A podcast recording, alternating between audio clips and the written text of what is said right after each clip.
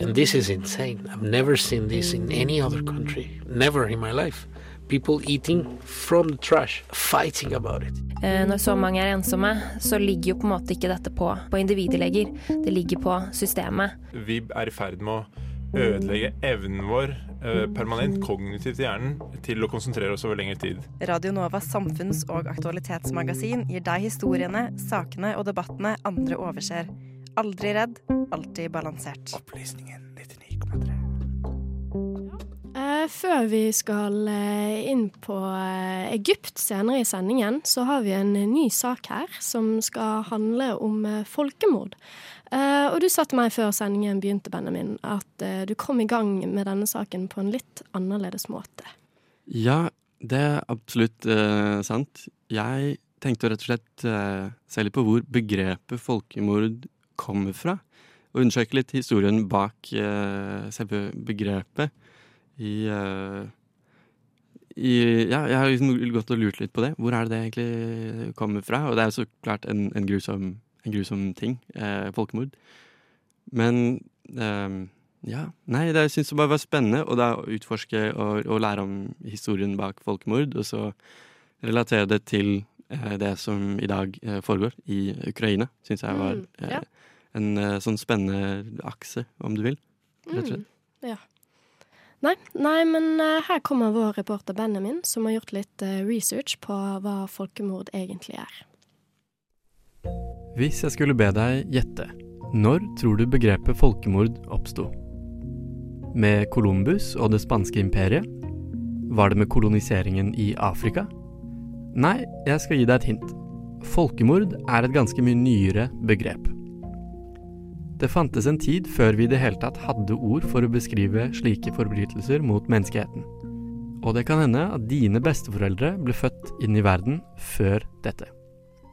I 1943 sitter en polsk-jødisk advokat grublende ved et skrivebord i delstaten Virginia i USA. Han heter Rafael Lemkin, og han har flyktet fra sitt hjemland. Etter Nazi-Tyskland og Sovjetunionen rullet inn med tanks og delte Polen i to. Lemkins personlige møte med koloniale stormakter ryster ham dypt. Først tok han seg til Litauen og kommer seg videre til Stockholm, der han bruker alle dagens timer på universitetsbiblioteket, på leting etter dokumenter og bevis for nazistenes grusomheter. Som akademiker hadde Lemkin jobbet med temaet i lang tid, men verden manglet de riktige ordene. Som ung student hadde Rafael sett en overskrift i avisen som skal ha gjort stort inntrykk. Litt bakgrunn her. Så under første verdenskrig begikk den tyrkiske hæren systematiske, grusomme drap på oppimot 1,5 million armenere. Tre år senere, i 1921, hadde Soghomon Telirian, en armensk revolusjonær, utført et attentat på en høytstående tyrkisk militæroffiser i Berlin. Dr. Lemkin is the man who created the word genocide. Dr. Lemkin, could you give us a little background on how you came to be interested in this genocide? became interested in genocide because it happened so many times. It happened to the Armenians, and uh, after the Armenians, Motivet var hevn. Hevn for the den armenske sivilbefolkningen, hevn for nasjonen. Den påfølgende rettssaken i Berlin skaper overskrifter over hele verden. Telirian selv er visstnok glad for oppmerksomheten som medfølger, fordi det setter de tyrkiske massedrapene på agendaen. Likevel så er Telirian siktet for drap. Det er veldig sannsynlig at dødsstraff banker på døren. I aller siste minutt bestemmer juryen seg for å frifinne ham. Den unge Rafael Lemkin stiller seg et par kritiske spørsmål. Hvorfor har vi straffer for å drepe én person, men ikke forbrytelser som tar livet av én million? Hvorfor slipper stater unna? Og bør vi egentlig la enkeltindivider ta saken i egne hender? Det er 20 år senere, og Rafael sitter igjen ved skrivebordet og arbeider med bevisene fra Nazi-Tysklands herjinger i Polen og Øst-Europa. Han skriver 'genocid' som første menneske i historien. Satt sammen av genos fra gresk, som betyr familie eller nasjon, og sedere fra latin, som betyr drap. Noen år senere blir Rafael Lemkins arbeid brukt som bevis i de såkalte Nürnberg-prosessene, der flere høytstående tyske nazister straffes av en internasjonal domstol for utførelsen av holocaust. Lemkin became the leading force behind the drafting and adoption of the International Convention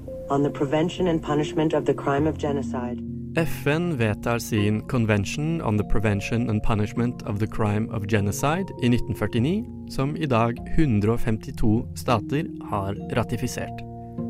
Applaus, klapp, klapp, alt gikk bra, og de store røde gardinene går over scenen. Snipp, snapp, snute. Nei, nei. Det er fredag 9.9.2022, og folkemord begås fortsatt. I mange tilfeller på steder det har skjedd før. Her i Europa lever vi på nytt med en utslettende, dramatisk kontinental krig i Ukraina. Det antas som et minimum at 22 000 sivile ukrainere mistet livet i Mariupol alene. Én by. Satellittbilder peker på at det kan dreie seg om nærmere 80 000 mennesker. I de okkuperte områdene er det blitt totalt forbudt å undervise i det ukrainske språket. Da det russiske militæret ulovlig invaderte og jevnet ukrainske byer med jorden, erstattet de alle synlige skilt på ukrainsk med russiske navn, tekster og ord. På russisk TV hører vi genosidal retorikk om at ukrainsk identitet er konstruert og må utslettes. Ukrainsk språk er ikke gammelt egyptisk. Hvorfor skal vi da begynne Uh, язык это не древний египетский, понимаете? Зачем мы тогда будем множить знания языка? Говорятся такие тонны всякого, извините меня, дерьма. Hvorfor skal vi styrke et språk som bare dumper dritt på Russland? Artikkel 3 i folkemordskonvensjonen forbyr ikke bare folkemord, men også sammensvergelse, oppfordring, forsøk og medvirkning. I 1993, etter krigene på Balkan, ble det opprettet en helt egen domstol i Haag, der minst 90 mennesker har blitt dømt til livstid for sine forbrytelser. Det har skjedd før, og det kan skje igjen.